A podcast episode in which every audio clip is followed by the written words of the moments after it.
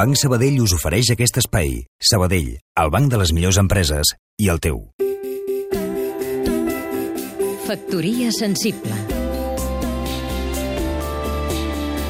Josep Maria Martí Font, periodista cultural.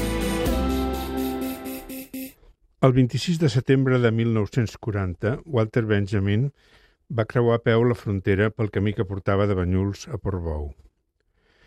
Tenia previst arribar a Lisboa i embarcar-se rumb a Amèrica, fugir del nazisme per la seva doble condició de pensador d'esquerres i jueu. Tot i tenint els documents en regla, la policia franquista li va negar el visat. Tornar era ser internat en un camp de concentració. Dotze hores més tard es va suïcidar. Va ser enterrat al cementiri on un any més tard va arribar la també filòsofa alemanya i jueva Anna Arendt, que no va trobar la seva tomba però que el va descriure així. És de segur un dels llocs més extraordinaris i vells que he vist a la meva vida. El misteri envolta el destí de les restes de Benjamin i també de la seva maleta on portava els seus manuscrits. En tota probabilitat va acabar a la fossa comuna.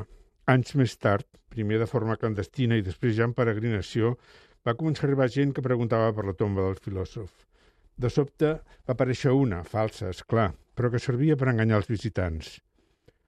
Finalment, tot allò es va reconèixer. Ha passat molt temps i Portbou és un dels llocs de referència a tot el món de l'univers benjaminià on es celebren conferències i simposis.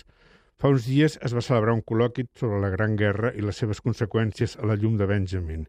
Aquest any s'han complert 20 anys des de que l'escultor artista jueu Danny Caravan va realitzar el memorial Passatges en homenatge a Benjamin i a tots els que pateixen l'exili. Aquest diumenge el propi Caravan participarà en un simposi per celebrar l'aniversari. Factoria sensible